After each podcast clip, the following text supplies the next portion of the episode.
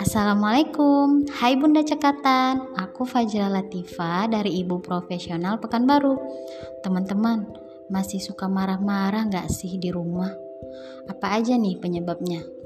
Kalau aku biasanya karena kurang tidur, perut lapar, ditambah lagi kerjaan belum kelar. Itu salah aku sih ya. Terus anak-anak mulai rewel.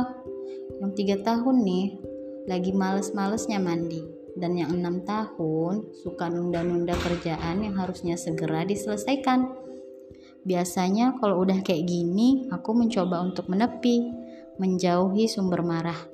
Sebelumnya, anak-anak aku delegasikan dulu ke opungnya atau ke abinya kalau sedang ada di rumah. Kemudian, mencoba untuk inhale, exhale, lalu beristighfar sampai aku merasa tenang. Kalau abinya lagi nggak ada di rumah, biasanya aku coba curhat lewat telepon. Setelah merasa tenang, baru deh kembali lagi bersama anak-anak. Anak-anak butuh ibu yang bahagia, bukan ibu yang sempurna. Teman-teman boleh ya mencoba tips singkatku ini. Semoga bermanfaat. Terima kasih. Assalamualaikum. thank you